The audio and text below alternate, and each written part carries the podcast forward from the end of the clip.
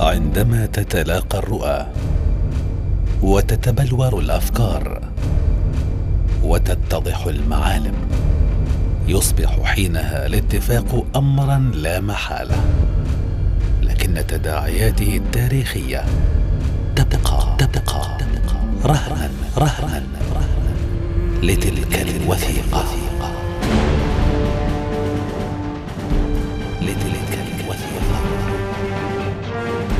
الوثيقة. برنامج وثائقي لأحمد عدنان. وثيقة الوحدة العربية.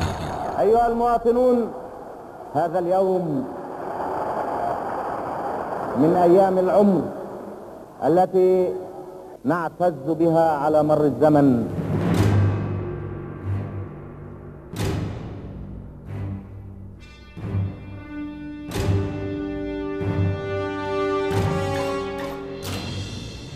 الجمهورية العربية المتحدة هو الاسم الرسمي للوحدة بين مصر وسوريا التي كانت بداية لتوحيد الدول العربية التي كانت إحدى أحلام الرئيس المصري الراحل جمال عبد الناصر.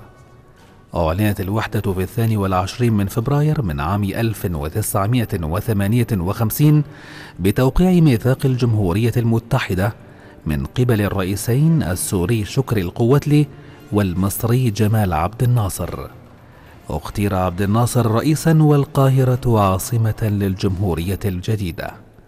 وفي عام 1960 تم توحيد برلماني البلدين في مجلس الأمة بالقاهرة وألغيت الوزارات الإقليمية لصالح وزارة موحدة في القاهرة أيضا.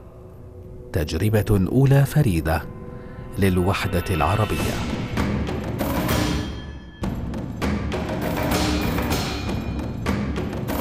الجمهورية العربية المتحدة بين الماضي والحاضر.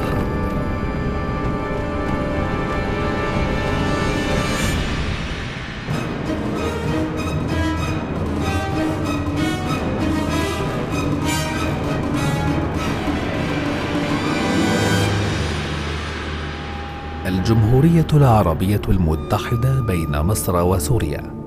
إعلانها كان حدثا مفاجئا. ففي الأول من فبراير من عام 1958 استفاق العرب على هذا الحدث. أعلن عن قيام الجمهورية العربية المتحدة كوحدة كاملة بكل مرافقها. كانت وحدة اندماجية. كانت الخطوة مفاجئة للعرب ولغير العرب من الدول الأجنبية. أصبح الرئيس جمال عبد الناصر رئيسا لها. إعلان قيام الجمهورية العربية المتحدة جاء على لسان الرئيس السوري الراحل شكري القوتلي الذي أعلن الوحدة السورية المصرية الاندماجية. رقصت الشعوب العربية فرحا من نداء الأخوة العرب. يا إخوة العرب هذا يوم هذا يوم مشهود من أيام العمر. هذا يوم.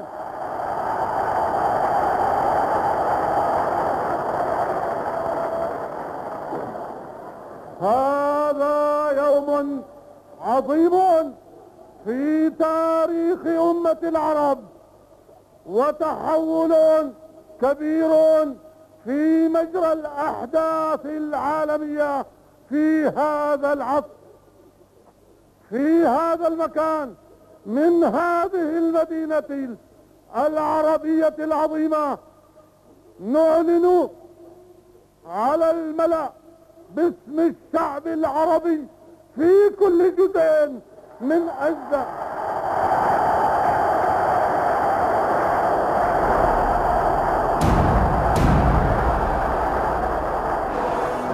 وتحدث رئيس الجمهورية الوليدة في هذا اليوم التاريخي.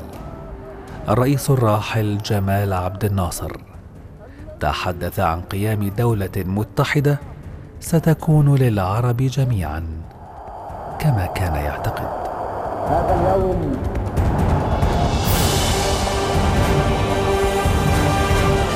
من أيام العمر التي نعتز بها على مر الزمن ونعتز بها على مر الأيام. النهارده الشعب العربي في سوريا.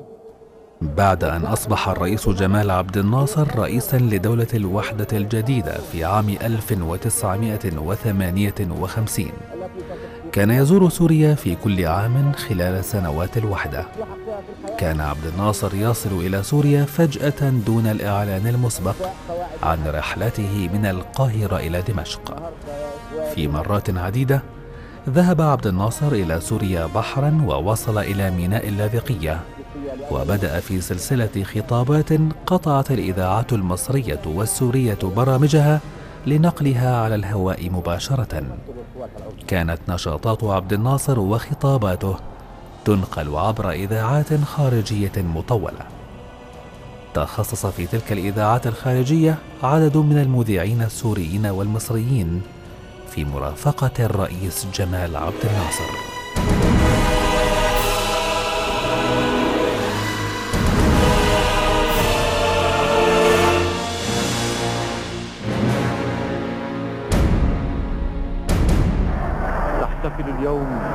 بزعيمها وقائدها جمال عبد الناصر وضيفه العظيم المارشال جوزيف بروز تيتو ضيف الجمهورية العربية المتحدة. أيها الإخوة العرب في كل مكان لقد بذلنا كثيرا من أجل هذا اليوم. كان يكثر عبد الناصر في خطاباته من استعمال عبارات مثل القومية العربية والوحدة العربية والعدالة الاجتماعية. كما كان يستعمل كلمات رنانة مثل الحياد الإيجابي الاستعمار وأعوان الاستعمار. أكثر من الهجوم على حلف بغداد في الخمسينات. كان يفاخر عبد الناصر دوما بإنجازه الأكبر الجمهورية العربية المتحدة الوحدة بين سوريا ومصر. خلال تلك الفترة كانت زيارات عبد الناصر تتصدر كافة أخبار وكالات الأنباء ووسائل الأعلام العربية.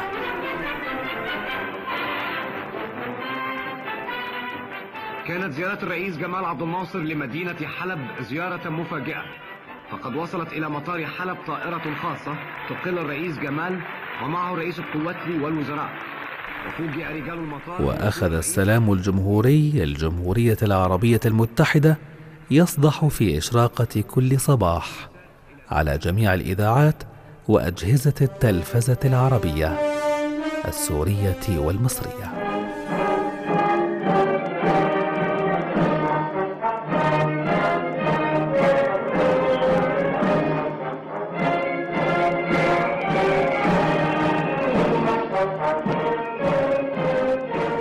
لدى زيارات عبد الناصر لسوريا خلال سنوات الوحدة أكثر عبد الناصر من تنقله بين المدن السورية وإلقاء الخطابات الحماسية فيها. كان يهاجم الأحلاف وكان وقتها الحديث يدور عن حلف بغداد الذي أقيم في الخمسينات وكان يضم كل من بريطانيا وتركيا وإيران والعراق أيام الملكية. كان هدف حلف بغداد هو مجابهة التمدد الشيوعي في الشرق الأوسط بينما كانت مصر أيام عبد الناصر منشغلة بالعدوان الإسرائيلي.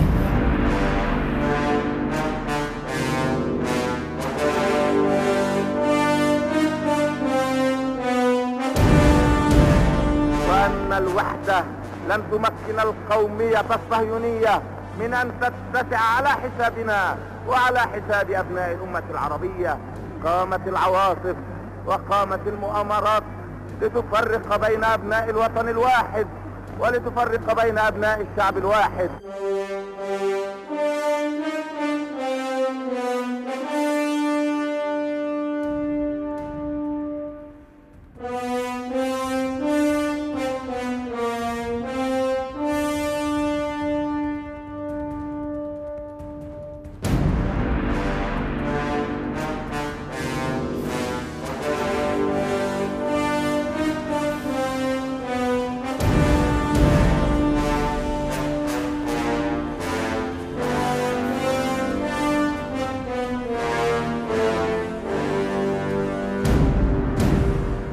واعتقد عبد الناصر أن وحدة الجمهورية العربية المتحدة ستدوم وتعمر.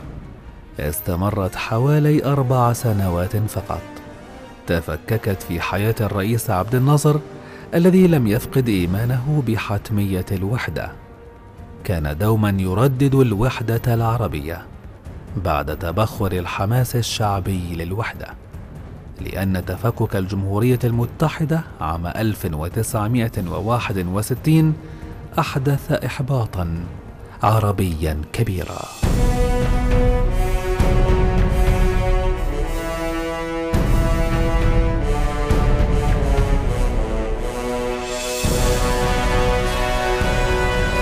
تفاعلت الشعوب العربية مع إعلان الجمهورية العربية المتحدة ورأت فيها نواة لوحدة عربية أكبر إلا أن خيبة الأمل حلت بدلا من الآمال. كانت إدارة عبد الناصر تطمح لأن تصبح دمشق عاصمة صيفية للجمهورية العربية المتحدة والقاهرة العاصمة الشتوية. لكن ذلك لم يحدث لأن الانفصال جاء سريعا وشكل ضربة قاسمة لعبد الناصر شخصيا. إلا أنه تجاوزها وحافظ على مكانته العربية والدولية بل وحاول عبد الناصر إقامة أشكال عدة من الوحدة كالوحدة السياسية. لم يثنه الانفصال عن مواصلة سياسته الوحدوية ورأى فيها وحدة التوجه ووحدة السياسة الخارجية بدلا من الوحدة الإندماجية التي فشلت. أصر الرئيس على مواصلة الكفاح في المستقبل. وإننا سنكافح في المستقبل كما كافحنا في الماضي. ويدفعون الأموال ليهزموكم وليخضعوكم للاستعمار. كان هناك في بغداد نفر قليل خرج على إرادة العراق وخرج على إرادة الأمة العربية بعد إعلان انفصال الجمهورية العربية المتحدة رأى البعض أنها كانت وحدة ارتجالية حكمتها العاطفة وعدم التخطيط السليم. كما رأى فريق آخر أنها لن تنجح بسبب البعد الجغرافي بين مصر وسوريا وعدم وجود اتصال بري بين البلدين. لم يتحدث أحد عن الفوارق الثقافية أو عن أسلوب الحياة بل تركز الحديث عن جغرافية الوحدة والطريقة المفاجئة التي أعلنت فيها.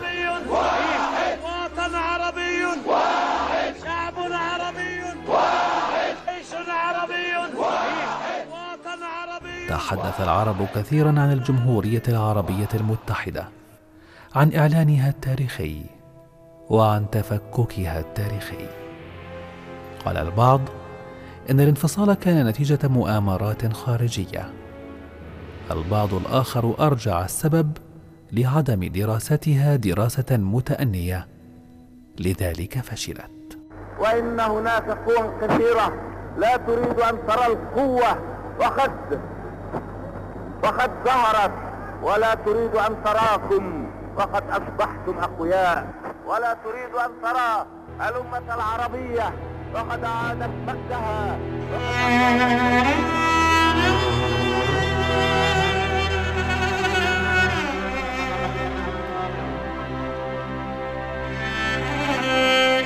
على الرغم مما يتردد من البعض عن تراجع التضامن العربي على المستوى الرسمي إلا أن كثيرين يؤكدون أن الطريق الوحيد للتصدي لما تواجهه الأمة العربية من تحديات هو طريق الوحدة العربية التي قد تختلف أشكال بلوغها ولكن يبقى هذا الغطاء الشعبي شرطا حاكما للوصول إليها والدفاع عنها. دفاع يجسد مدى الحاجة الماسة للاتحاد. تأبى الرماح إذا افترقنا تكسرا. وإذا افترقنا إذا افترقنا. تكسرت آحادا. عندما تتلاقى الرؤى وتتبلور الأفكار وتتضح المعالم يصبح حينها الاتفاق امرا لا محالة. لكن تداعياته التاريخية تبقى تبقى رهنا رهنا لتلك الوثيقة.